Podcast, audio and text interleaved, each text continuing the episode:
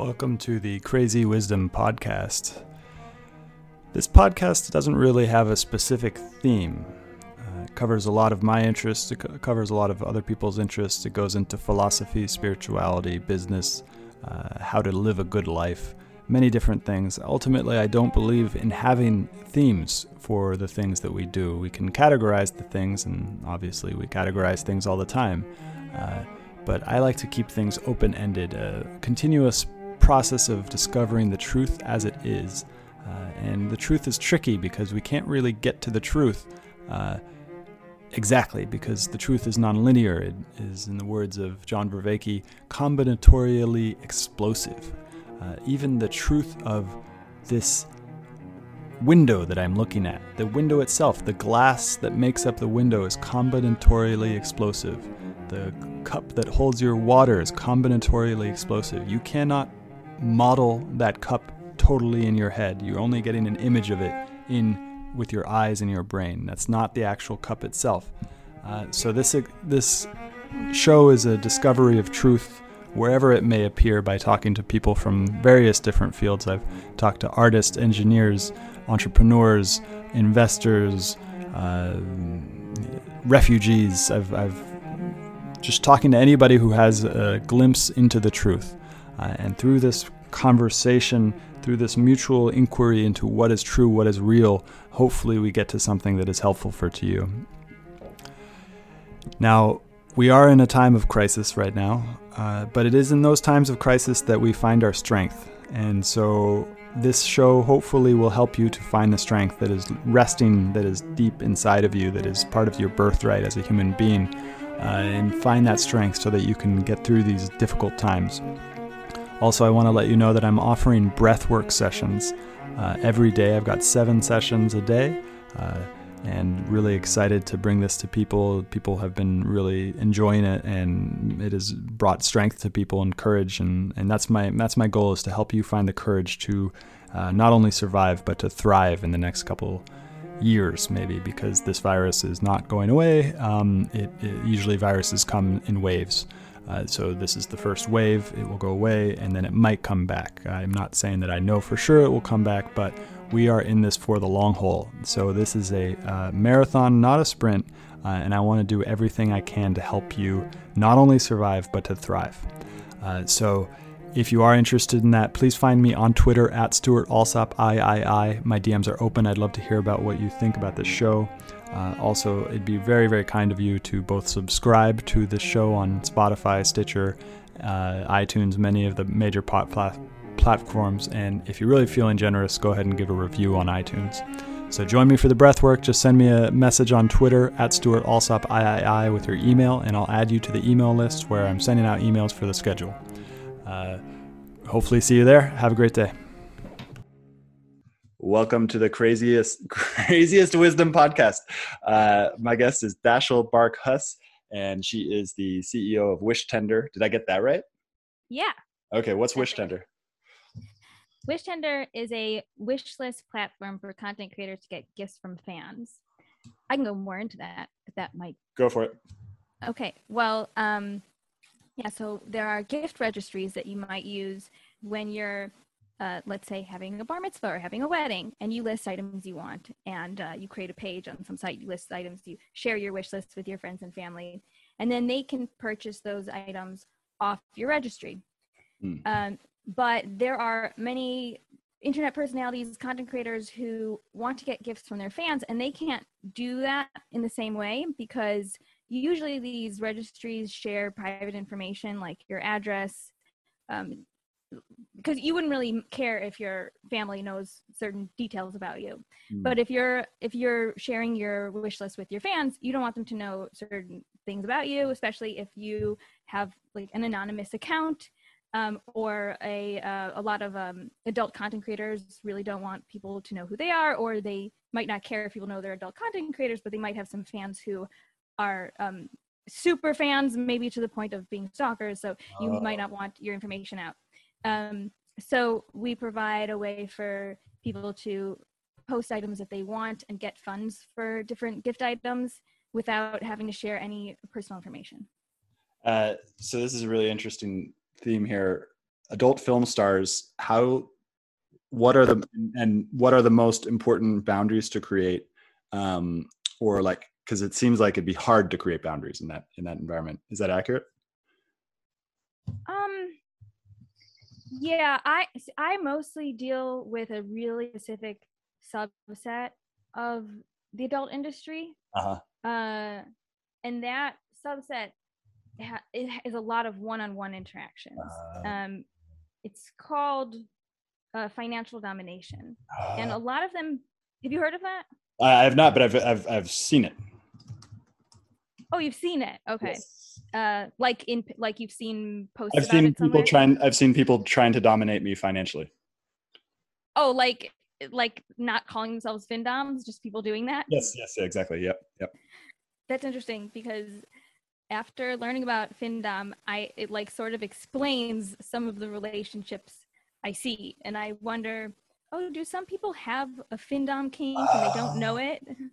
Um yeah like especially if you watch well let me explain what findom is really briefly um and then i'll go into what i was going to say. But so findom really briefly is um is you have a sub who likes to be dominated and a dom who does the dominating and the dom is the one who is going to uh, be like bullying the sub into money but it's a it's a consensual thing. It's like a game. It's a little Yeah, play yeah, yeah, yeah. you know like you don't bully someone who doesn't want to be bullied. There's there's boundaries there. Um or there should be at least if you're good if you're good at what you do. Um so i do think that there are people who maybe have this kink. Like when you watch if you've ever seen like 90 day fiance have you ever seen that show? No no no. Okay well basically it's a lot of um, people who found um, younger women older men who found younger women they want to marry from across seas they come in to the united states and get it's a tv show? Oh man that's it's a tv show it's a real life Yeah. yeah, it's a reality show. So i think that a lot like a lot of these older men in on these shows will just promise all sorts of cash all sorts of money that they don't really have like or that they shouldn't be promising like they're way more well off than they are and they're going to buy the the women all sorts of things and give them this life of luxury when they can't do that and I, I do wonder if they have findom kink or if this like findom kink is like related to whatever this behavior is that I see on these shows or these types of relationships. Um, and it's hard for me to understand, but I, I I think that's what I'm seeing sometimes in real life. Yeah, no, and I think you're onto something.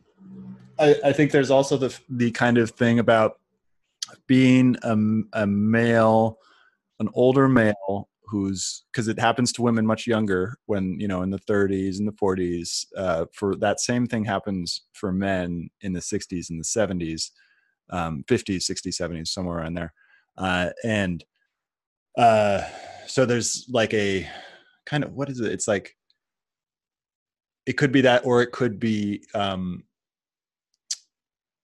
kind of like regaining lost hope and uh not but like realizing you're going to die and and kind of like that that golden era was ending um that that, that Oh, okay. Mhm.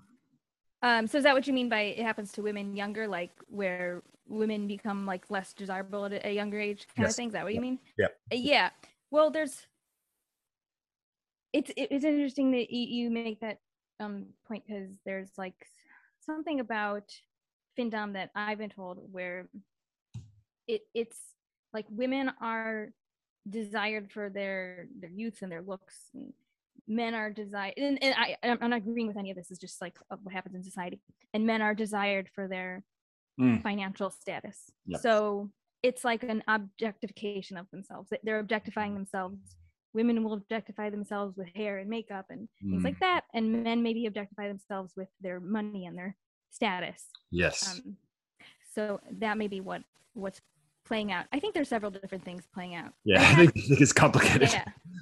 I had somebody um do it to me basically like and i'm not a findom but if somebody comes and wants to buy me stuff i'm not going to say no. And so um i asked them like why they wanted to buy me things and i got their insight um the insight from whatever there's going on in their brain they said that they like the idea of making life easier for someone. Uh. Uh, and and I said like like anyone, you know, like because maybe you just want to do charity, and they're like, no, no, no, it's specific people. So it's either people who are dominant in some sort of way that couldn't really describe. I think something else, like maybe how they look, was another factor. And then the third thing was like he he said that for me it was a little different.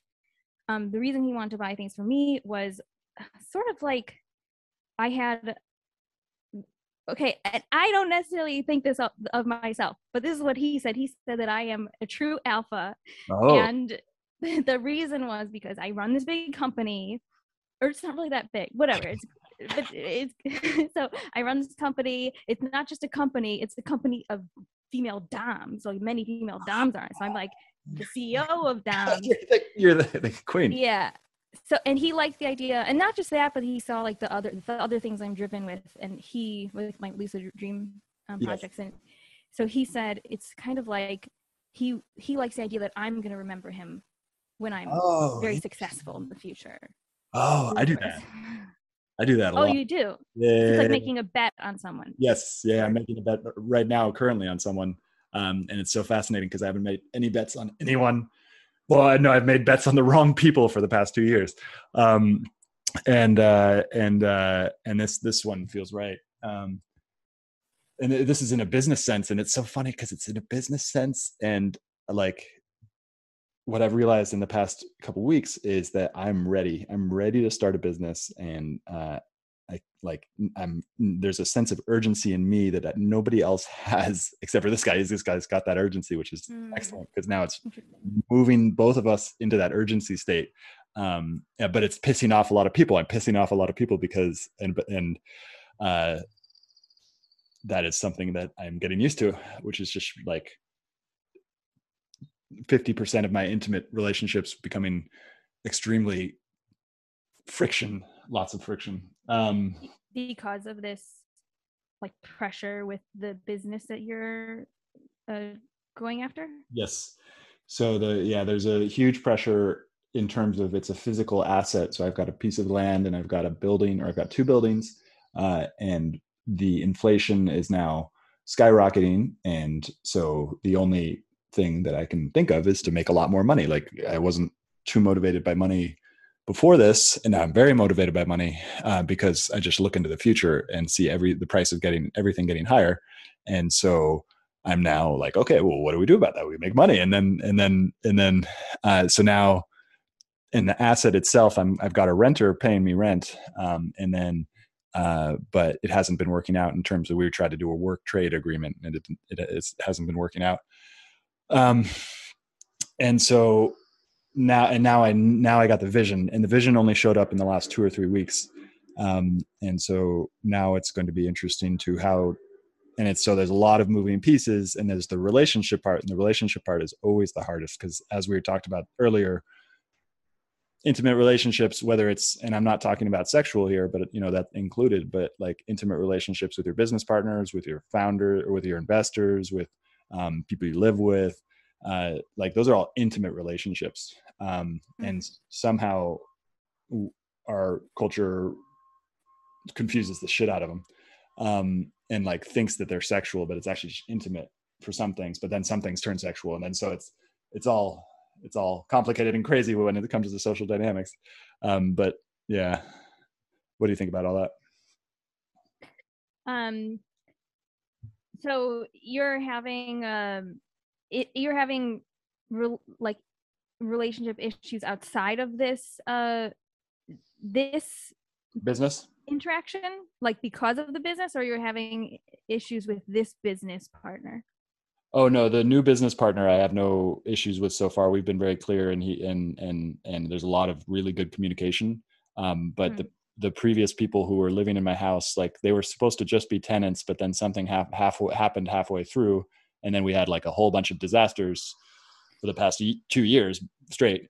Uh, and those those things actually affected my house. Like I was uh, the house itself got snowed in for like three weeks, and they take, took care of it really well. Um, and then but then somehow uh, halfway through we changed it from just a rental agreement to a work trade agreement and that work trade agreement hasn't been working out um and so and so but now there's a switch that needs to happen and so uh the communication about that is i'm I, i'm pretty good at communication like I, I i've I'm, i've gotten really good at communication over the past seven years uh but then uh sometimes there is just conflict even with good communication Mm. um and that's Yeah. where i'm at right now I'm really picky about who I work with.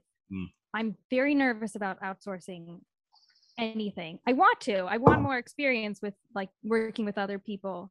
But right now, I'm I'm just partnered with my life partner on Wish Tender, Mhm. and that's worked really well because I've vetted him for a long time, Mm. and it's I I would be nervous about working with other people. Um, so it's only you two it's only us two. Yeah, it started with um, me, my sister, and my spouse doing a little bit of um, market research together. Uh-huh. Then it was pretty much me building it for a year. My sister got kind of busy with college and stuff, and my spouse here and there worked on it on Twitter while I was building it for a year. And then once we launched, now it's been my spouse and me. He's like full time community manager, and I um, and the tech side and a lot of the operations stuff. Yes. Mm. interesting So, so Is- that is it was no easy. Is it Huh? a no code? Is it a no code business, or are you? No, I don't know how people do that. Uh, This is all code. and you're Every I learned. I didn't know how to program. Um, I learned to program. Uh, I I really learned to program the year I was building Wish Tender. I I had been learning a year and a half before, uh, every day, pretty much every day. Um, doing these like 365 days of code challenges, and then just I kept coding.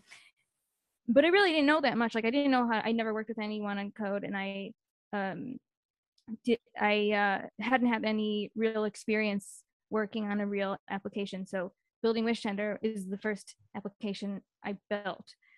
So I was I'm very um, I do everything myself, maybe to a fault, uh, because um, I'm just I'm nervous about letting other people do things, but that's what I I want to be more comfortable with. So I admire that you uh you know give it a shot to work with other people. well, and so it's it's. Um, I'll just tell the whole story because it has been wild. Um, so in March 2020, and we we won't go into the to the actual uh, details of that of that particular thing because I've covered them in other episodes, and I don't need to go into that any longer. But uh, but March 2020, once the pandemic happened, I moved from uh, Colombia to San Francisco because I was like, oh, I don't want to be in Colombia for this pandemic because it seems like it's going to be big. Because I was really early on the on knowing about it, and I was like, okay, I'm time to go back home.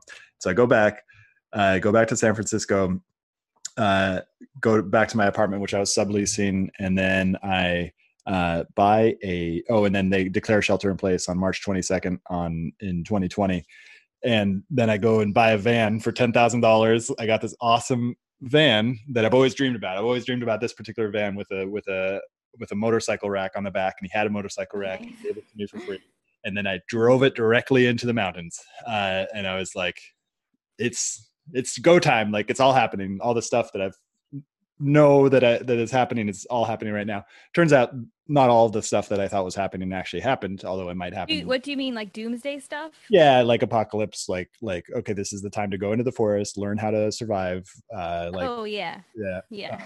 and so uh I know the feeling. Yeah, and so uh and so oh yeah you're a van person too so uh and then uh and oh then, yeah. and then uh so i found this town and this town actually um res- survived the 2008 recession because it's built on cannabis. Uh, and so uh, and then but that market is now coming to an end.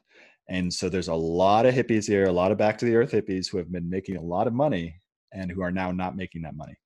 Um, and uh, so it's crazy up here because it's like it's like it's it's the you know california is already kind of the edge of the western world Mhm. and then this is like the edge of that edge even though you're going into the mountains rather than to the coast um and Wait, so why is why is maybe this is too long of an answer to this No, question. but why why is cannabis like re- receding or what? What? Oh, it was yeah. We it definitely. This is very interesting because I've been learning a lot about it the past month.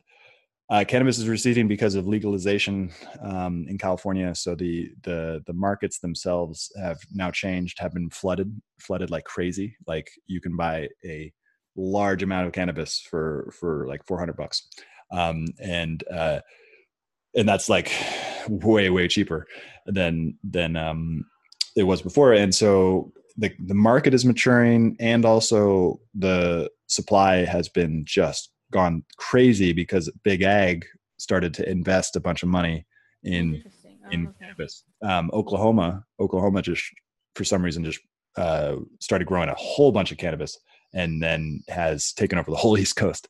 Um, and uh, and so yeah, and so then I moved it up here, and I was like living on people's land in the p- pandemic, like in their in their forested parking lot.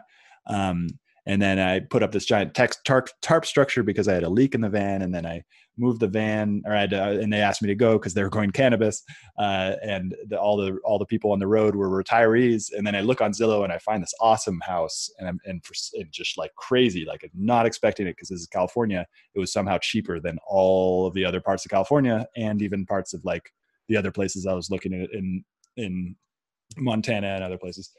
And so then I get this house, um, and and I'm like, okay, now I got to fill the house with tenants.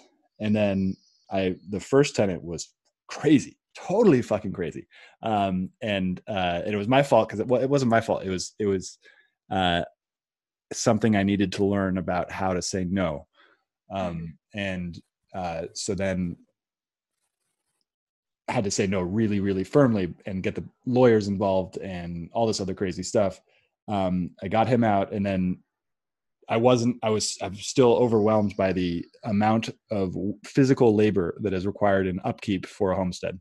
It's just something that I was like not expecting to find myself into. I was like a digital nomad for a long time, and now I'm like got this piece of property, uh, and I know a lot of other people did what I did, um, and and this this year has really been like the oh this is what I have to do. Like this is how how many hours of work, and it's like a ten hour day basically every day, particularly from spring to summer. Um, and so now I get it. Now I get, now I understand it's my third year now. Now I understand what is required in, tor- in terms of upkeep, particularly for what I want to do, which is now the business, which is a treasure hunt. I want to build a treasure hunt uh, on my property and then going into the town because the town is interesting. It's a, like one of my friends from LA, a lot of people are moving from LA too.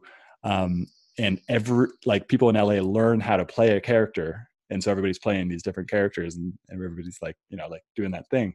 Here they're all the characters that you make the movies out of like it's the actual characters and they're really like that um, and uh, so it's a carnival. It's total carnival. Cirque du soleil almost did their training about uh, Oh, 500, 500 meters from where i live um, and uh, and so um, it's just like a wild place and so i'm gonna build a treasure hunt that first airbnb guests will get to use but then I want to start doing other things like executive retreat centers and other things. Yeah. So when you say treasure hunt, it's like, is it sort of like an escape room but outside? Yes. Like you're trying to. Okay, that's cool. And Is like it, and it goes Mystery into the Theater. town. Yeah, it goes into town first. It'll, the pr- prototype will just be on my land, and it'll send them to the very eh, all the all all almost all of the objects on the land um, will have some s- sort of way to uh, interact with. Um, so you'll be able to interact through your phone. Well, there will be a treasure hunt that people will pay for. This. Well, yeah, there'll be a treasure hunt that people pay for, or there will be a scavenger hunt that'll be free. Um, and uh, and so then and then the the everything will interact with your phone, and eventually, once I get the property itself down, then I'll start sending people into town. And I already talked to all the store people. I'm telling about it all, and they're I'm telling them they got to play a character, so they'll use a code word. The, the the Airbnb guest will use a code word in order to unlock a discount at the store. Oh my Um, god, that's so fun and smart. I love this. Yeah. I've never heard of anything like this. Did you make this up? Well, yes, I did make it up uh, with this new person who who I'm starting to talk to about talk to, um, and uh, but uh, I don't know if I should say- this, but uh, the I'm heavily influenced by Meow Wolf. Oh, I love Meow Wolf. Oh my god, yes. Okay, that makes sense. So I worked there in I worked there in 2017, I think, somewhere around then. I might have gone there in 2017. Yeah. Think about that. I did go there in 2017. And in your van, Yeah, in my van. We stopped there in the van. New Mexico is a it, great state to do van. yeah. Unless we went there, we went there several times, but we were definitely on the West Coast. Um, in 2017, we got married 2016. We went in the van, West Coast the first year. So we we I think we did go to Meow Wolf the first year. I might flunk on the third year again. Um, but yeah, I love Meow Wolf. Oh my god, it's Yeah. so incredible. It's hard to describe Very hard to describe. I just tell people it's kind of like um like a video game come to life Yeah. sort of. I tell people I tell people it's uh, Disneyland meets Burning Man on a lot of psychedelics. Uh yeah, yeah. I that's similar to I saw I heard somebody else describe it as Pee-wee's Playhouse on acid. But Uh, it's like not just like cool, it's like the scavenger hunt too. It's it's got this like story to it Yeah. and like all these details. Like the details in it is so crazy. Every little paper in the house has writing on it and like you just sift through. I don't even know how they keep track of everything there because there's just like loose papers like taxes and homework assignments and everything was purposely made to fit this story. Yeah. So it's really interesting. and that's what I'm going to do. I'm going to create a, a huge story arc, um, and uh, uh, it's going to be so funny. Uh, it's going to be quite stressful, but it's it's really cool property, um, and I'm going to do like team building for um, executives, and I want to I want to I want to target the executives who are thinking in the way that I imagine you are thinking as well, and I'm thinking in terms of uh, kind of like what we're up against in terms of the the stuff that's currently happening. Mm, okay. Um so how would you put that? Uh Oh, Uh, like Uh, free think. I know. what's that? I, I don't want to use any anything that I don't want to use any word that's got like a bad cut like a stereotype, but like Yes. a- um so I don't know what word to use. But like an open-minded person who likes Ooh, their freedom. I don't know. interesting. So, um, Is that what you mean? uh, well, I don't know. I don't know anymore because now I've lost the train of thought. Oh, you're saying people like who, businesses that are like like us in some way. Oh, they- yes, yeah, open-minded. Yeah, that what that is what I was trying to describe about you. That that's the sense I get from you. Um, and uh, um, and oh, oh no, I should explain for it. So the it's just it's going crazy in terms of centralization in terms of the companies that are out there right now. Um, Mhm. Like Facebook, Twitter, all these all these different companies are incredibly centralized and they're sucking our soul. What I liked about what you said is it's it's essentially a privacy company. So you're actually trusting you're you're you're giving these people privacy um, as a part of what you're offering them. Um, Hmm. and and that's a huge thing for me as well. Like I am going to this is going to be any any computing that's built into the uh, land itself is going to be on Urbit. Um, Oh yeah, Urbit. Yeah, Mhm. yeah. What do you know about Urbit so far? Um, I just know I I had tagged my friend um who I said was like what knows about it. I tagged that when you started talking about Urbit on Twitter. Ah, yeah. Um, he's always talking about Urbit. Yeah, it's like decentralized. Like you own your own. It's like a social media, but you own your own servers. They call them like planets or something like that. Yep. Um, Yeah, so they're yeah, they you can't get closed down basically. exactly. Yeah, so there's Yeah. galaxies, stars, and then planets, and the galaxies uh, give the computing to all the stars, and then the stars give all the computing to the planets, and each planet represents a one individual individual person. Uh, but you can have multiple planets, and like there's no search built into it. So I tried to ask him about search because I was like, how the Hmm. how the hell am I going to search Yeah. for content? Like I need to, I need to, because that's that's what I love using Twitter for is be, except their search. Search. Oh, but their search is the best of all the social medias, though. Um, yes, if you know You how to use, yeah, yeah, if you know how to or use. LinkedIn is okay, but you can't search anything on Oh, Instagram. Uh, what is the deal with LinkedIn search? Oh, it's just it's pretty much like Twitter. Like you can search anything that you know. I don't know if there's any like blocks on certain searches. Like Twitter does block certain things, but like, um, but you can search any word in a post. Like Instagram is really annoying because you can only search Uh, hashtags yes, pretty much. yes. One hashtag, and that's it. I don't like that. Why did I they like screw being- up so badly? Because Instagram's really bad in terms of its its functionality in terms of search.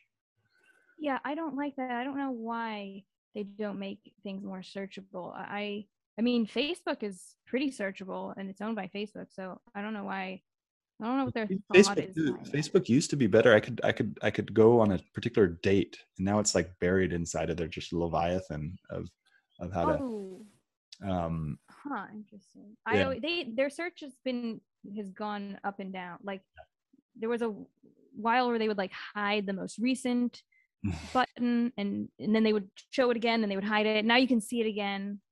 But um, I don't know about the date, the specific dates. Yeah, I don't know why. Maybe maybe searching is very expensive. Like ah, on the like the, I mean I know for us it it is like or it, it seems like it will be. Huh. We haven't really done searches on our site, but I wanted to. oh, and- interesting. And so let's go Mhm. back into the company. The um, Yeah. Oh, well, and also the the uh, uh, the lucid dreaming. Can we talk about that for a bit? Yeah. What, what is Um, lucid dreaming? Uh, yeah. So lucid dreaming is when you're physically asleep, you're in a dream, you're in a dream state. That's usually rapid eye movement, a certain last stage of sleep, and um, you suddenly realize for whatever reason that you're in a dream. So let's say you're in school in the dream, and you remember. Oh, wait a minute, I graduated school 15 years ago, so this can't be real. I must be dreaming. So once you know you're dreaming, that's it. That's a lucid dream. Doesn't need nothing else needs to happen for it to be a lucid dream. Some people think you need to be able to control it or this or that. No, but that's what comes next, hopefully, like using it for something, controlling the dream, um, flying places, changing where you are. Um, so it could be really fun. It could be a way to like come up with ideas. It's just this other, it's this like other state of mind where you can just like a drug, like you take psychedelics and there's all sorts of things you can explore. Uh, so lucid dreaming is a, basically like a psychedelic in a way, um, but it's free and you can do it every night and has. We, we don't think it has any bad effects on your brain. Not that all psychedelics do that, but for some people they do. Um, but who know? Actually, lucid dreaming. We don't know a lot about lucid dreaming though. Interesting. Um, and so, what do we know about it? Um, we, we don't know what. Okay, so I'm not the best person to speak Uh-huh. on this exactly, but I will say what what I understand. Uh-huh. Um, uh, we don't know any biomarkers of lucid dreaming. There might be a few things that might be considered like related. Like you have more, I think you have more activity in your front, in your prefrontal cortex if if you're lucid dreaming Yeah, interesting. Yep. but it's not like necessarily a biomarker of lucid dreaming. Um, they thought that they found like this electrical 40 hertz signal that that was a, a marker, and it turns out that it's not. That was a bad study. Or it's not a bad study, but the study wasn't. They they figured out later that it was inaccurate Mm. um and so we don't know we don't know what uh exactly like it physically is going on um and a lot of people think that it's that there's something physical that's related to it and some people think there's nothing it's not a physical thing it's just a mental state of mind Yeah, yeah, yeah. i think that's more what i believe or maybe a combination like it's I- really just yeah say what I- say? I, I, because I saw you like plugging your head into lucid dreaming things. What are those measuring? Um the the the the electrodes that i wear at home measure emg which is muscle tone and eog which is eye movement. And when i'm in the lab i'll have ones that measure uh, brain waves as well. That's eeg and those just um, try to detect if you're dreaming. So you you can there are biomarkers of dreams but not necessarily lucid dreams. We can't really tell the difference yet between a dream and a lucid dream but in the lab the only way they can tell the difference is because um, when i'm in like the lucid dream lab at northwestern and i'm lucid there's a, a signal that i send them so that's the only way that they really know is because i send them an eye movement signal that's predetermined. We agree we agree upon. Um, so that's what they're looking at, and then uh, and that's what I'm trying to detect detect programmatically is REM. So REM you can detect. It's Uh, low uh, muscle tone and eye movement basically, and also you can also look at some EEG stuff as well if you don't have alpha. what did you say? OMG. There's Um, EEG, EEG, and what was the other Not OMG. That's oh my god. EMG is ele- electro um ence- uh, encepho something. Mm, wait. Wait, wait, wait, wait, wait, wait. That's EEG. Okay. Yeah. There's EMG is electro like it's something like electromuscular graph, something like that. I Uh, don't know exactly electromusculography graph or something. But basically electric muscle graphing. That's that's like the main Uh, idea, right? Then EOG, electric ocular graphing, basically. Oh, got it. Got it. Electrooculography. Grab. That one I know how to say more than the other ones. EEG is electro. It's like encephalo. I forget the word, but they, they I'll look it up right now, it your brain is swollen. It's a electro electroencephalogram. Yeah, yeah. So it's like the encephalo, whatever. Like, I, I like it's brain related so you're measuring your brain, your brain waves. And then, uh, so the EF, EEGs are the ones where they talk about the different brain waves in terms of uh, alpha, beta, gamma, and theta, right? That's right. Yes. And what what are the all? And you, we don't need to go on this because you already said you don't. You're uh, alpha, beta.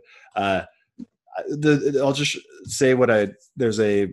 I've heard that the state of enlightenment is e, the theta state, but I can't source check that because I've forgotten where I learned it.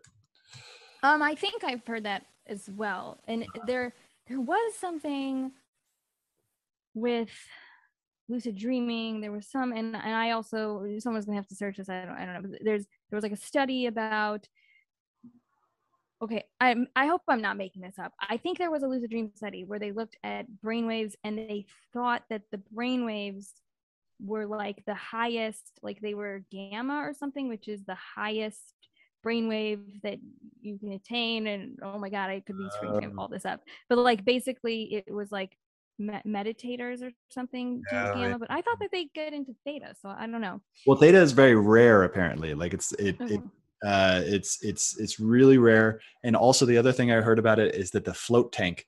This is the real thing I was trying to source is the float tank Mm. itself leads to a theta, and it is it is interesting because I've this I'm I think I've gotten into it a few times, and every time that I get close to it, a feeling of immense panic comes up. Um, and that's related to my own personal history because it's i've got this weird thing where i'm both extremely curious when it comes to spirituality but then also i went too far into random holes that nobody needs to go into um, in terms of esoteric knowledge. Uh, and so like then i developed a fear response to the actual thing itself. Yeah. uh, and so um, but now i'm getting through that and the um, the the theta state in the float tank because the float tank is the most reliable way have you oh interesting have you ever tried a float tank I have a long time ago. Yeah. Yeah. because there might be a connection you might be able to maybe get into the lucid dreaming state easier in there maybe well what is the Well, relationship that would be. Da- I would think that would be dangerous because oh yeah well, in you don't you have to use a little bit of muscles, right, to float, like your core. Otherwise, Oh. you'd fall. Un- would you fall Yeah. under? No no no no uh, you i think you'd wake up pretty quickly because you get a mouthful of salt water um, right, right, right. yeah. Oh yeah, it wouldn't really be dangerous. But it, it might be uncomfortable if you breathe water, in your nose. yes yeah Um, that, that's one of the things actually with lucid dreaming. You're you can control your breath. You can feel your real breath, and so that's one of the things Oh. we use in the lab to communicate. I, I sleep with a nasal cannula in the lab, and I'll like sniff. Here, I don't know. If the that's one of the other ways they communicate besides just sending them an eye signal Yeah, we do sniffing and eye signals. Um, I don't have a nasal cannula in my home, like my home setup, but I, I just do the EEG. um, fascinating let's talk about uh, uh, the 100 days of discomfort that you do what was that Oh yeah, that was um that was in 2019. Um, I was I didn't. I was not like didn't have the I don't know like the reputation I have now, or like I did. I had never had a real job.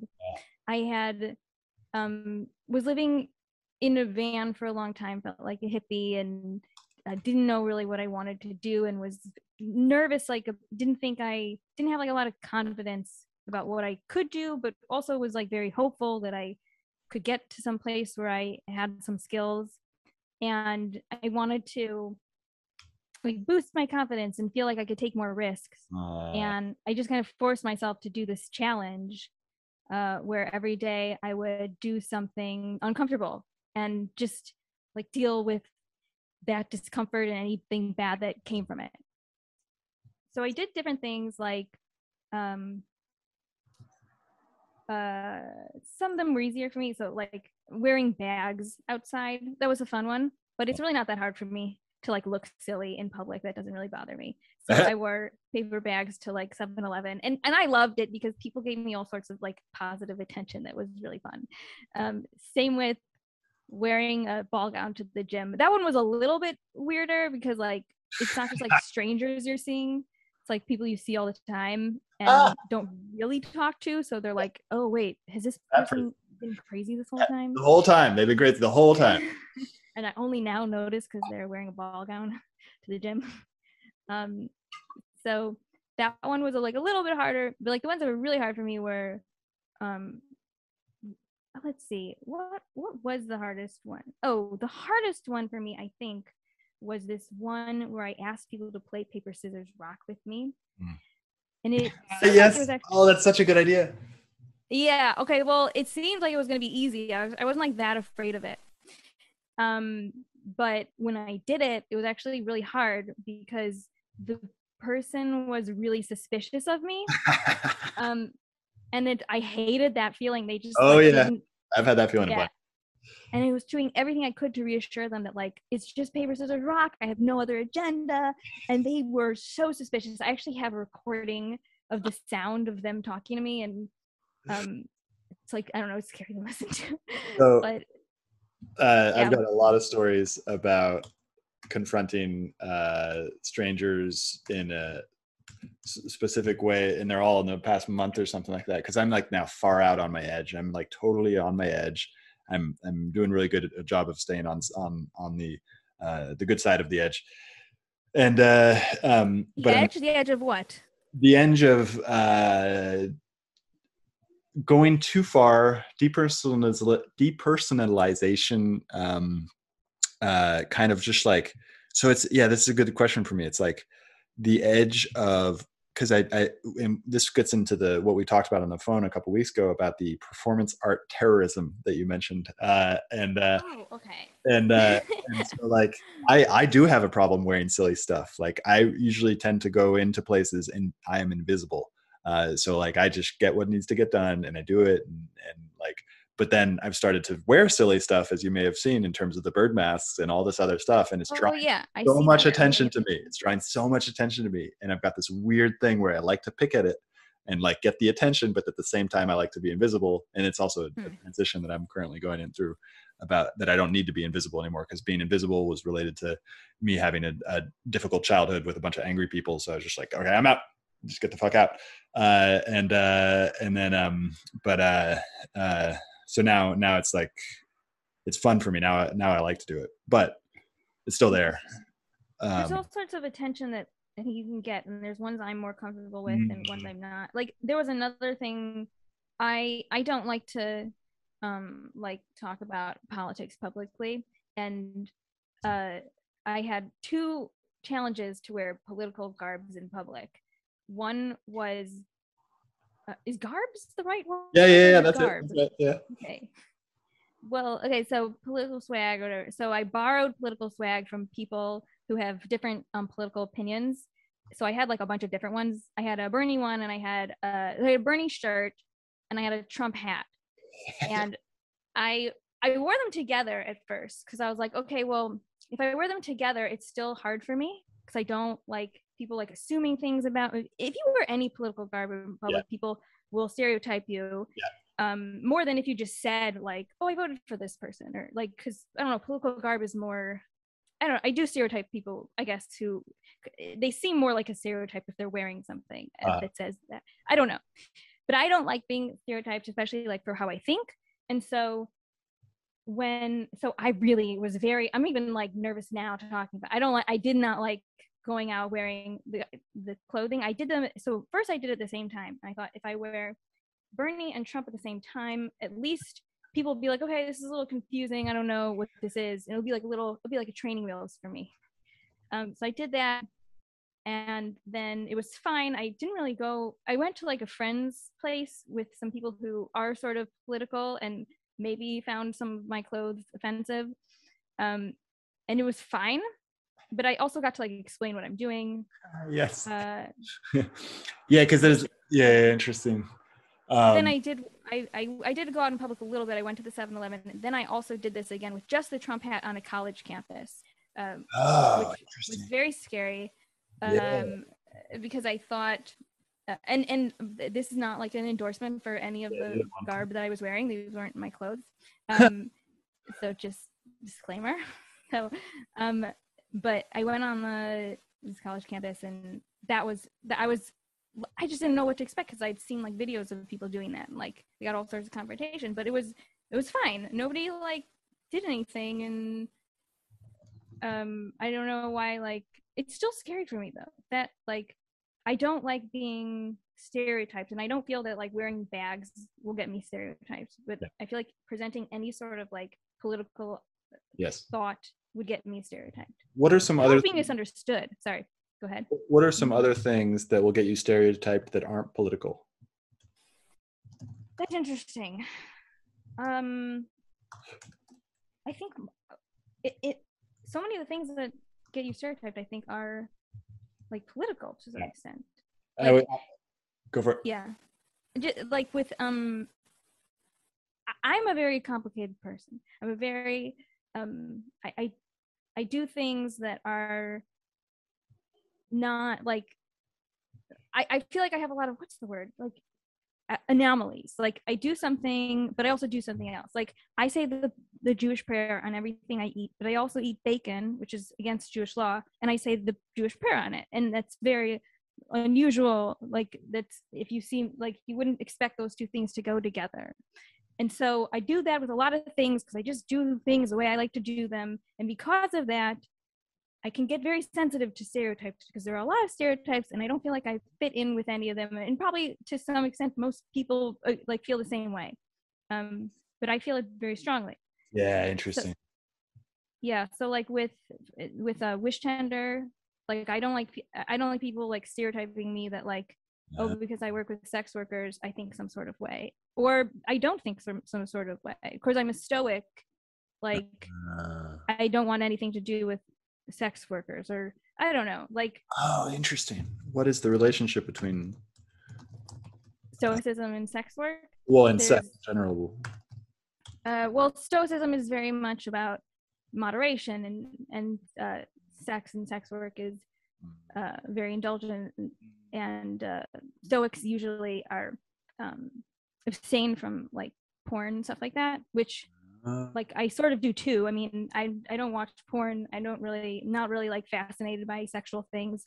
Um and so I guess that's like one of the, one of the misunderstandings that maybe people might have of me is that I'm like super into porn or, or sex positivity. And I'm really I'm sex positive, mm, but I'm not like into it. I'm not like I'm not like somebody who is fascinated by the the pleasures of the sexual world. Like it's just not something I think about so much but I'm also not like, but I also want to help people who are sex workers because I think that th- they should have a platform that respects them. So I can get a lot of, there's a lot of stereotypes that can go on around these subjects that don't, that I don't feel they fit me. And so I'm, I get, I, I don't like being misunderstood. Does that make sense? Yes, it does make sense. Uh, and I have, I have the same thing. Um, and for me it's very interesting because now i'm starting to work with labels in a way that is less inflammatory hopefully um, uh, uh, uh, and only by the pure fact that i've had a whole bunch of labels thrown at me for the past two years in relationship to uh, what i was speaking about publicly and um, so Mm. I didn't get it before. I didn't. I was invisible. I didn't. I didn't. Uh, I didn't have people throwing these things at me, and um, and so now labels are a very interesting thing because I'm using them. I like them. It's impossible to be on this planet without making up a bunch of labels about everything going on all the time because there's so many things going on in our immediate environment that we need to label and, and focus on and, and figure out. But at the same time, we don't need to do any of that shit. Um, and so. Uh, the charged ones are just so interesting because it's it's Hmm. and and this applies to sex work as well as the thing I've been speaking about for the past two years and um my now I want to be a performance art terrorist because that's that's that sounds like the the the way to go about it because it's like own the label and give me more of it like like go for it. It's this is, let's make fun of all of it. Um and uh and uh so that's where i'm headed. Uh and yeah and i'm i'm i'm angry and so many people so many people are getting angry uh and they won't tell me about it. They'll just yeah. But uh um and so okay so and do you have a hard stop at 345 No. Okay. Um so the stoicism stereotypes because stoicism is a stereotype as well because it's a it's a it's just like a really old one so it's like been been around the Yeah. block you know I get stereotyped with like, well, yeah, like in Stoicism, people see it as, I don't know, this like, if you're into Stoicism, you have a profile picture of an old um, yes interesting statue, and like, and I I love Stoicism, and I like all the people with the old statue pictures.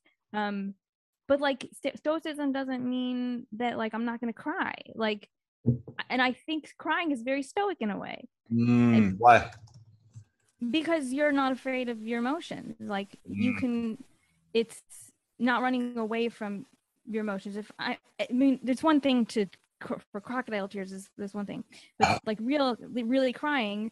And if if i'm in a situation with somebody where the where the conversation makes me feel so sad that i'm going to cry the most honest thing i can do is cry. Mm. so I don't think that there's anything not stoic about crying. I mean, it's it's stoic to try to get to a point where things don't affect you Mm. that much. Mm. But if you're already in that state, then crying is fine. And a lot of good things have come from me crying in public. And I'm very embarrassed to cry. I hate crying in public. So for me, it is like a discomfort thing. If if I'm gonna cry and I do it in public, it's it's, it's super embarrassing and it's super honest.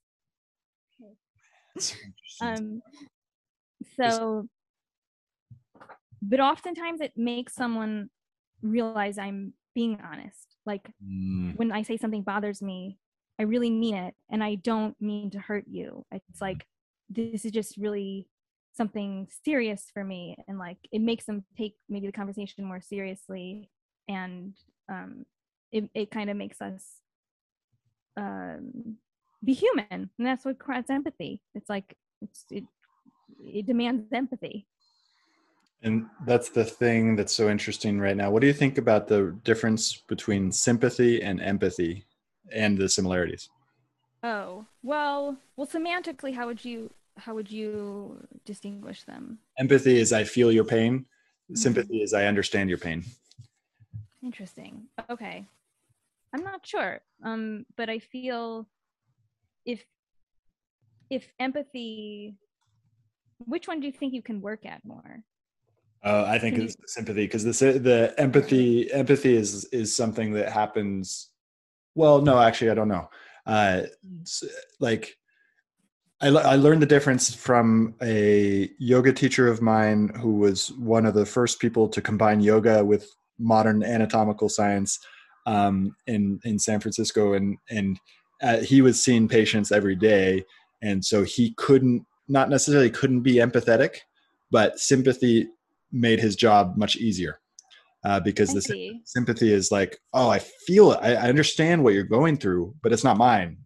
Whereas empathy is Oh. like, oh, that's mine, and you're I'm feeling all over you. And I've I've I feel like at t- at times I have been too empathetic because it I'm I'm listening to wavelengths that I shouldn't be listening to. Yeah, that sounds debilitating. Yes, Like exactly. there's a lot of pain in the world if you're very empathetic. Exactly.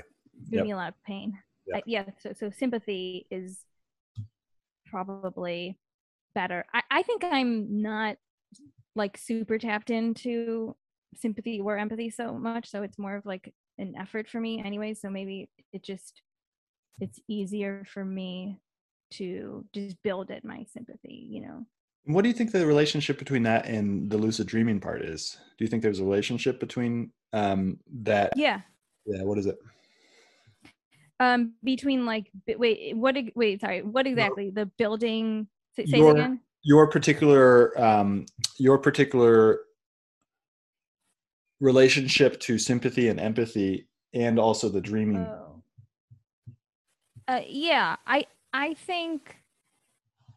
Well, okay, so people who are have a lot of like metacognition can Mm. lucid dream better, and this is again, I don't, I can't serve you up the name of the study that links to this, but I, I'm pretty sure there's studies that show that um, metacognition uh, improves your ability or your like your chance of being able to um, uh, lucid dream. Interesting. especially if you have like i think if you have a like a very strong inner like monologue going on i Uh, think that helps.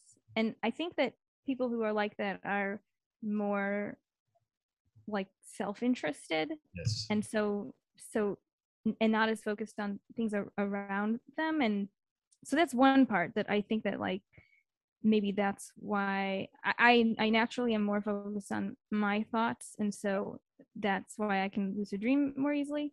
But there's another thing that because i work at my sympathy Uh, and I don't think it comes super natural to me. It, it's it it's an it's a way of me like slowing down my mind and being like, hey, what's going on here? yeah. And that's what you have to do with lucid dreaming. oh, that's What is cool. this person thinking? What's going on around me? Yeah, interesting. And I'm I'm like that in the self the self centered way. I think we are like honestly, all of us are are extremely self centered, um, and that's a byproduct of like trying to survive in the jungle. Uh, and and it's really important. And people put t- too much emphasis on always. Well, people in the culture that I was raised in put too much empathy emphasis on always thinking about the other person I think it's important to think about the other person like a lot, and it's a really, really important thing. But it's also at the same time there's a certain like separation that needs to happen, um, and so there's that self awareness, which is so interesting because now I'm like a solipsist uh, in terms of my spiritual practice. Oh, I think therefore I am that thing. no, not necessarily. Uh, I What is uh, solipsism? uh, so solipsism. Well, that actually might fit solipsism Oh, okay. uh, solipsism might be the label, the stereotype, talking about listening to people that I shouldn't be listening to. It might be the stereotype that put people put on me. Um, uh, solipsism is essentially the idea is that you cannot know anything outside of your own awareness. Um, Oh, okay. and so Plato, yeah. uh, uh, Plato, you know, what was it? Uh, Gnosticism came out of Plato and, and Christianity, and, and they call that solipsistic. Uh, my particular training has been in terms of Advaita Vedanta and um, in uh, in India in terms of the the non-dual Advaita Vedanta. Um, but I like it's yeah. So I forgot what the point was, but the the the solipsism is really interesting because the more you go into that, the more you realize it's true that you can't know other people's thoughts. You can kind of guess what other people's thoughts are, and a lot of times we can be right, but you can't really know the state, the inner state of another person. Um, all you can really, really know as an absolute fact is your own existence. Um, every other fact outside of that is somewhat provisional. Mm. That's very lucid dreamy. It's a Ah. very lucid mindset. Because to be a good lucid dreamer, you have to always be uncertain that the, that what's around you is real. Uh, that's why I'm so paranoid. Interesting. well, yeah. Well, but you can if you're good at lucid dreaming, you can. I mean, you check if it's real, but of course, if you can know if you're in a dream or wake state. I guess you couldn't know if you're in like another dimension though. Well, because because the the waking state, uh, according to the people that I've been trained by, the waking state is a dream. Um, uh, like it's it's i don't see this computer. I see a, a kind of a representation that my brain has created because of the whole past that i've experienced since i was born. Right. And so and so, yeah. Sometimes we have experiences that are that really emphasize that. Like you'll Mhm. have an experience of reality and someone else will describe what just happened it'll be like totally different. Yeah. like little things. Like i was in the car once with my sister and it was like i said something about um parking the car over here and then 30 seconds later she was like when you said like there was a duck in the street and i was like whoa. That Yeah. is not what i said. Like these we're two we lived in two different realities for like 30 seconds and i don't know how that happened Um the little things like that make me remember like okay we're always experiencing things Uh. very different from each other Mm. and and we don't really know what's what's real and what's not but th- that kind of thinking helps you become better at lucid dreaming Mm. So we could get really meta uh, and uh, what, like what is real. Uh, but uh, right i guess consensual well oh, interesting. consensus consensus Well, um, so there's a retort against there's a retort against that as well because the the I believe it maybe it was the Stoics or maybe it was before them, but the, they they said you know verify it, verify it with three other people, but then we all verified the fact that the Earth uh, was the center of the universe for like hundreds of years. So like yeah if you talk to anybody, that's like except for these weird people in the fucking cave talking about like the sun being the center of the Earth. It's like that's just like so consensual is really good it's really important to get other people particularly grounded people not the ones doing crocodile tears um, Hmm. but uh, to get, get their take on things but even then even then you can't can't can't always you be sure. can't really know yeah yeah but um but with lucid dreaming you can know if oh. you're awake or asleep if you do a reality check. Do you know what reality check is? I've heard of it the it's from the inception kind of that uh they do it in inception yeah. yeah. they do it in inception. So it's really the only thing you can sort of know. I mean i guess you could all yeah like you could also be in another dimension where like everything is backwards and you wouldn't know. But like yeah when you do reality check there's well there's one that's very accurate and it's where you hold your nose. You hold your nose keep your mouth closed and you try to breathe.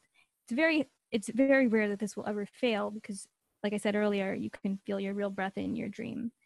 So the one thing we can sort of be uh, oh, sure of is whether we're awake or sleeping if we do these reality checks. Yes. Beyond that i don't know. So that yeah the, because i can do a reality check right now. I'm awake not with the the, the big sense the woke sense but uh the the but i'm i'm i'm awake here in this moment and when i'm I'm sleeping. in the waking world yeah at least the waking world. I think.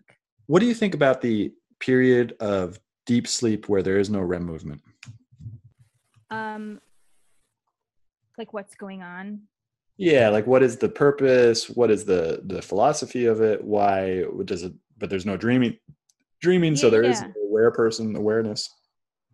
Well deep so there's different stages of sleep. I think deep sleep there's so there's not, not just deep sleep there's also stage one stage two oh. maybe a stage three and they don't really know these stages because they're not really the same for everybody. Like it's kind of it's a little subjective because uh, it's not like we just our brain just like switches to these different states so so cleanly. It's like some people have a combination of different states um and so but deep sleep generally is like i think it's very very little brain activity and uh and it's usually like i have more deep sleep when i i think when i weight lift more and i Oh. think it's hmm. like uh, uh, it's for like people think it's Muscle for growth. like your body it's for like building muscle and body repair uh, and then like rem is more for your brain like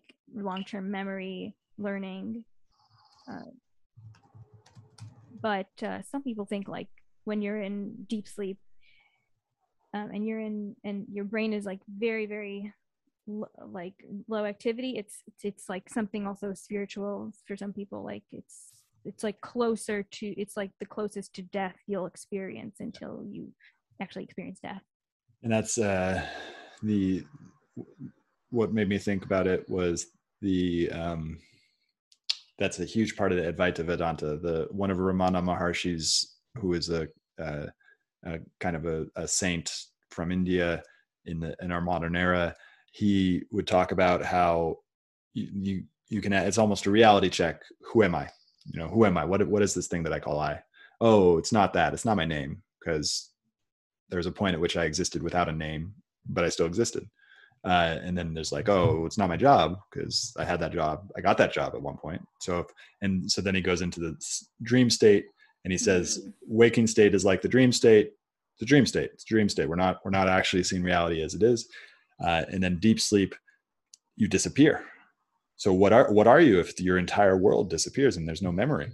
Um, what what is that thing? And uh, and so I'm not trying to give answers because I don't know. Um, and I've I I still the sleep part. I oh maybe you have some insight into this. When I use cannabis, I cannot remember my dreams whatsoever. And then I stop mm-hmm. cannabis, uh, and then all of a sudden they become very vivid, uh, and uh, and then it goes back to, to to not remembering them at some point after a long period of of stopping cannabis. Um, yeah, that's. Oh, oh, did you want to hear? Or you can. Yeah, go, yeah, go for it. Go for it. Oh well, so yeah, cannabis. Um, what's it called? It it re- reduces REM or suppresses REM. Yes. So then when you stop doing it, you go into a REM rebound where you have all this REM that you are making your brain is making up for. Um, I accidentally I don't like cannabis. Uh-huh. Um, I accidentally megadosed some cannabis a few days ago. Oh no. I, I was like, I really just wanted to take some CBD. Oh. I wanted to take some CBD. I had some period cramps and I wanted to go to sleep. Uh-huh. We just we only had Delta Eight. Have you had Delta Eight? I've heard of it. Yeah, it's like it's just a different THC. I think it's like one that's legal. So there's THC like yes. nine. Okay, it's THC nine, THC eight, something like that. I, I think, and it's like the legal one or Delta or Delta Eight. Okay, I don't know don't quote me. I'm gonna saying so many things. I'm just like, don't quote me. But um, it is a part of the plant that they isolate. That's legal in most states, but it does. It is psychoactive. It's just as psychoactive as THC. Yeah. And I meant to take. I really wanted CBD. We didn't have any. I took somebody else's Delta Eight. I thought I was taking a little bit of it, and I thought I'd just sleep through it. And I thought I was just gonna like make my cramps go away but I woke up like so high. Oh no. Oh my god. I felt a lot of things you're talking about too. Like I couldn't I was like who am I anymore? Cuz yeah. I it was really high. Like it was very unpleasant. And that's um, the strangest thing about cannabis cuz in and I've started to think about this a lot because it's a it's very helpful for my chronic pain issue. Uh, and as I was discussing with somebody recently, uh, it's not that it increases your pain tolerance, but it changes the way that you experience pain as it changes the way that you experience food and music and all these different things. Oh, and so for for chronic pain, it's effective medicine. It's an extremely effective medicine. Uh, but then uh, there's all these other things that that happen with it, like it's trade-offs. And so and so cannabis will tell you the truth about your own existence, uh, but it'll also tell you fantasies.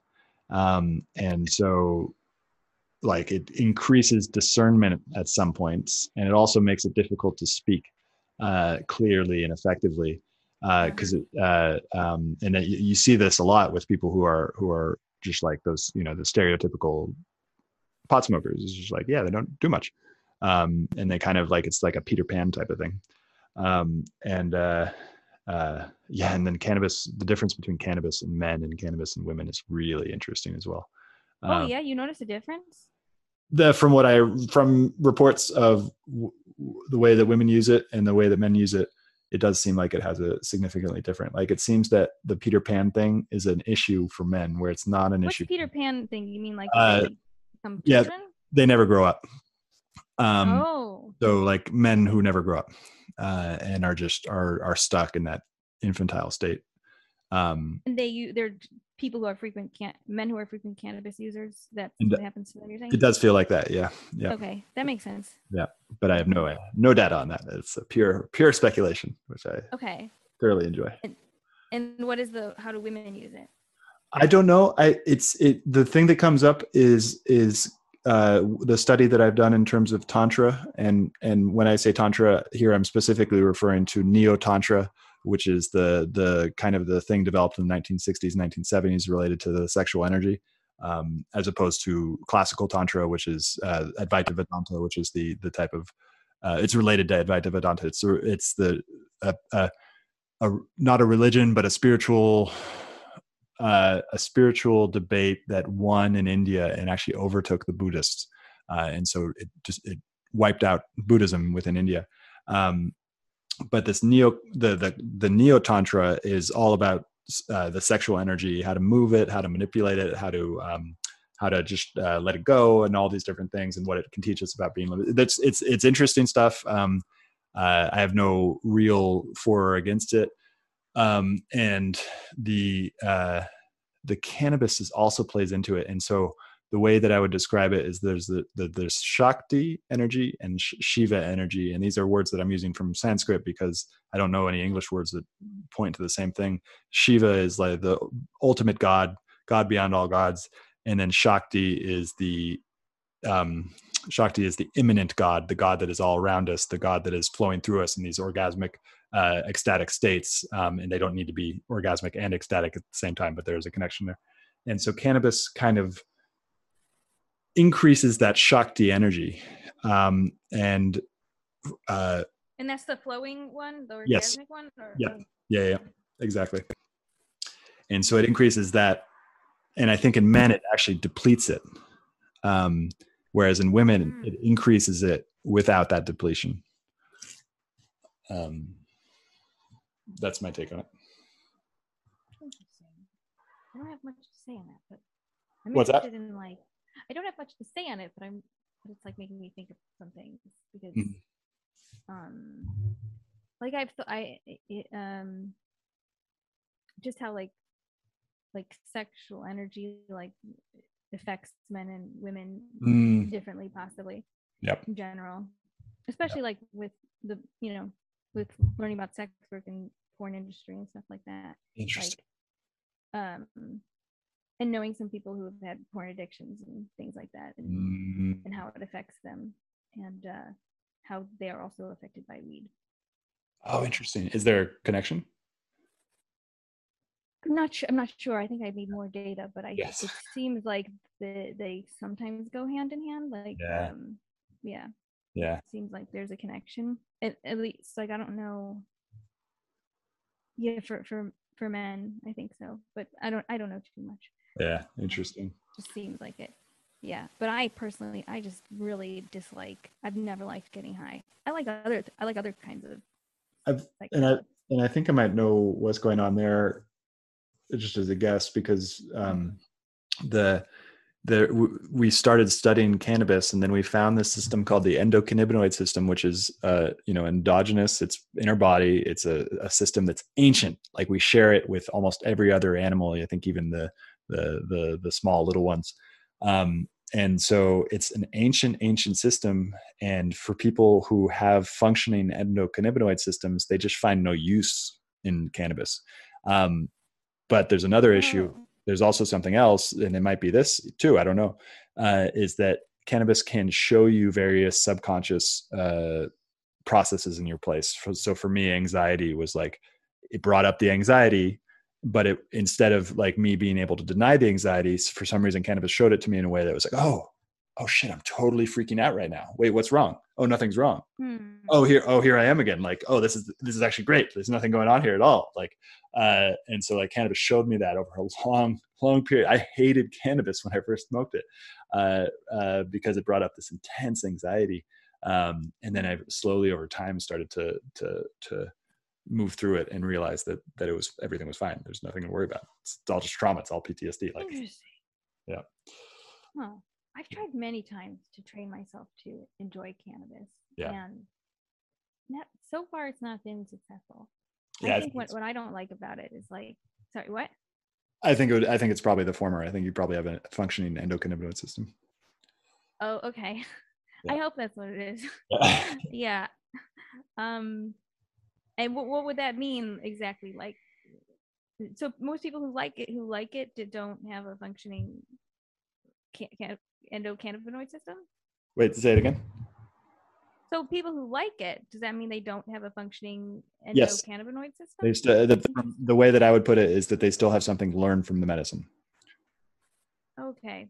Yeah. So maybe that's my, my thing. How would I know what what what Oh, what shows if you had a good can- endocannabinoid system? uh, if you find yourself dancing, singing, doing things that you're joyful for, um, eating a lot of chocolate, like well, chocolate is a chocolate is related to the endocannabinoid system. So if you if you eat a lot of chocolate, you might have a dysfunctioning one.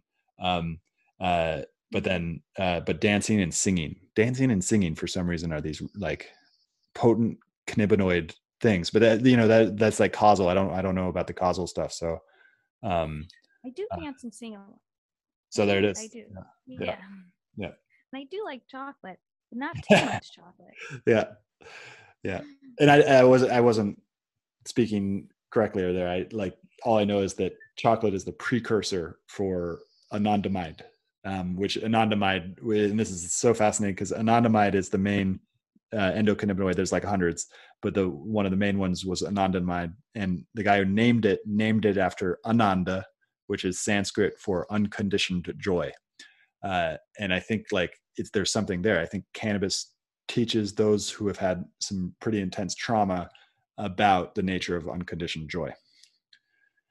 Um, Interesting. Okay. I have I don't really have much trauma, I don't think. So unless it's very, very repressed. Yes. So maybe it's just not it doesn't really do much for me. I do like like mushrooms once a year Uh-huh.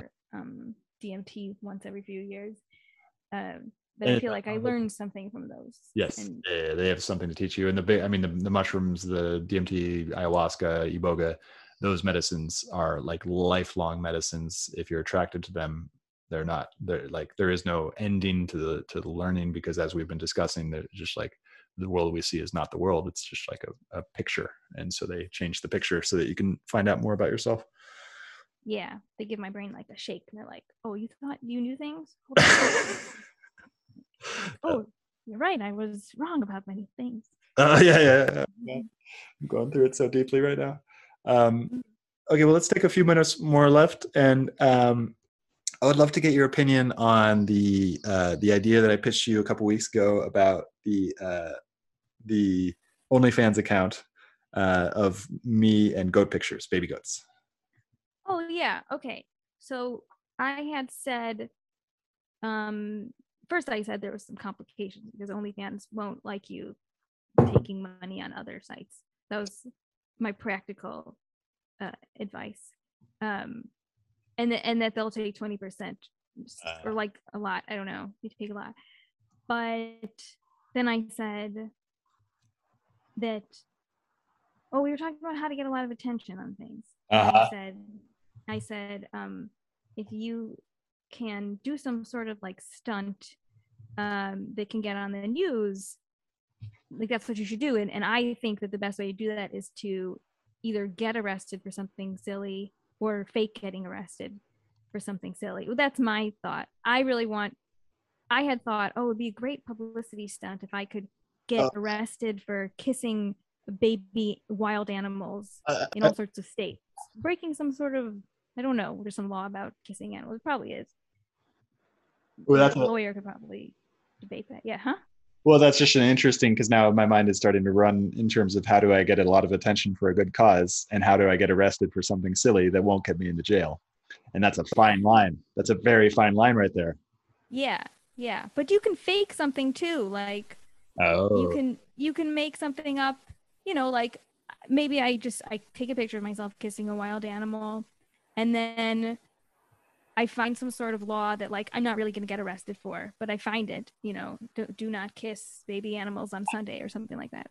And then I get I stand near a cop and I'm like just just stand near me for a second. I'm going to take a picture. And then you Okay, got like you just roll Got it. it, you Yeah, know. Okay. Mhm. Got it. Perfect. Yeah. Awesome. And like and take a bad picture of yourself and call it a mugshot. Now if you can start like really low somewhere, like Uh-huh. It's like it's like that book Trust Me I'm Lying. You said you read that too Yeah. Ryan Holiday, right? Like, so he starts um, a lot of these companies will create these this guerrilla tactic of spreading these false stories that are just like fantasy interesting stories that people talk about and then they talk about their product so like you'll start by reaching out to something really like getting someone to post about it on social media okay and then you get a blog to see the post on social media. You say look look, look what people are talking about. Look there's all this like pictures about that this really happened. Okay so then the blog it's like a very small blog. They write about it. Then you send that blog to a bigger blog and you keep sending these stories up and up and they're all based on nothing. But they think they're based on something. Oh my god, I gotta do it now. Now that we've talked about it, it's like I have to do it. Um, and uh, uh, I think this will be a year out though, because I'm so busy for the next few months in terms of this one uh, that I'm currently doing. it's very art it's very t- um, performance art terrorism. Yes, yes, which I'm, which I'm, yeah, yeah which I'm so, I'm so in love with that term. yeah i like it too. Um there and then there's also things like oh there, I mean, there's other story. You know, we were i really like the idea of like so there's fake news right? There's satirical news like the onion. Fake news is like people pretending something is real. I guess this is sort of fake news but then there's magical realism news. And that i made that up. I i hope i wish i didn't make it up. I want it to be a real thing. But it's where people you, make a news story that just gets people to like believe in magic. It's not real but like it's acting like it's real. It's acting like there's really magic in this world or like some you know or like something magical like being arrested for for kissing baby animals in every state in the country or we also wanted to I- I like this idea. We had a performance art terrorism idea that was a- an artist who glues top hats onto wild animals. Uh-huh. And there's a town full of these animals in, in our imagination of this story. Mm. Um, so you could either, I mean, you could either really do something like that, or you could just pretend that that something like that happened and get a news piece written about some thing that didn't really happen. And it's just trying to, and then you can like re redirect it to your your OnlyFans. oh my god oh it's gonna be so funny uh it's reminding me that there's a book by a colombian author gabriel garcia marquez 100 years of solitude i think it was but i should go read that because that's the that's the the the the thing that everybody points to when they talk about magical realism and colombia is Oh, okay. colombia is a country like that it's just like what is Mhm. real but it's magical and brazil is like that too um well awesome this has been so much fun how can people find out more about you and find out more about what you're working on I'm mostly on Twitter. Um, so da- at dash bark Huss on Twitter. And then also I'm on LinkedIn, dash bark Huss. You could search me. Dash bark Huss also on Instagram. And then probably a few other places, but Twitter mostly is where I'm on. Yeah. Talk about search i just because i was searching earlier for your uh oh no still couldn't find it with dash bark Huss nope You I'm- can't find me with dash bark Huss on Twitter. on on linkedin Oh, on LinkedIn. Oh, but it's it. Well, you could do my full name, Dashiell Bark-Huss. I look, Well, I guess LinkedIn is a little different. I don't because you don't have like a handle. Oh uh, and it might be because we don't have any uh uh mutual connections Well, and my name is also it's it's Found not it. Dash. Found you. Okay, good. It's Yeah. Dashiell on, on Yeah. LinkedIn. I guess that's confusing. Yeah. Well awesome thank you so much for coming on the show Thank you. This was really fun. Yeah. Hope you enjoyed this episode. I'll be publishing episodes every Monday, Wednesday, and Friday in the morning.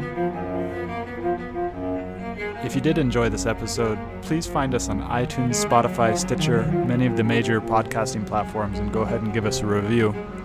And also subscribe. And as always, I'm on Twitter at Stewart Alsop III. Come join the conversation as we aim towards the truth and the funny thing about truth is that you can't really put it into words because every time you put the truth into words, create a linear narrative out of something that is non-linear. The truth is non-linear. It's not. It's. It's. If you really recognize the truth right now, your mind wouldn't know what to do. It'd be overwhelmed by beauty, maybe pain, or it's It's something that is beyond our linguistic capability to represent. But that doesn't mean that the language isn't helpful. Language can point us in the direct, right direction, but it's it's not it's not the truth itself. And so, come join this collective inquiry into the truth. Find me on Twitter at Stewart Alsop III. Uh, subscribe to the podcast. Share the podcast with your friends. Uh, most people don't have the ability to let go of this linguistic understanding of the way that the world works and just aim for the truth, regardless of what the language tells us. Uh, and so I think what I'm doing with this the show is is necessary for us because as we enter this stage of uncertainty, uh, and we are most definitely entering an age of uncertainty. And as we do, it's really, really important that we stop paying attention to what the mind is telling us all. Doesn't mean to say that the mind doesn't have its place. The mind obviously has its place, but it's just one of the senses. It's just one of the tools that we can use. We can use the mind, we can use the feelings, we can use our actual senses. Uh, we can check our intuition with other people because sometimes the intuition tells us the wrong thing as well. Sometimes the intuition is wrong. So it, we can't we can't rely on any one tool to get us there. So come join the show. Find us on iTunes. Find us on Twitter at Stewart Alsop III. Uh, and come join the, this inquiry for truth.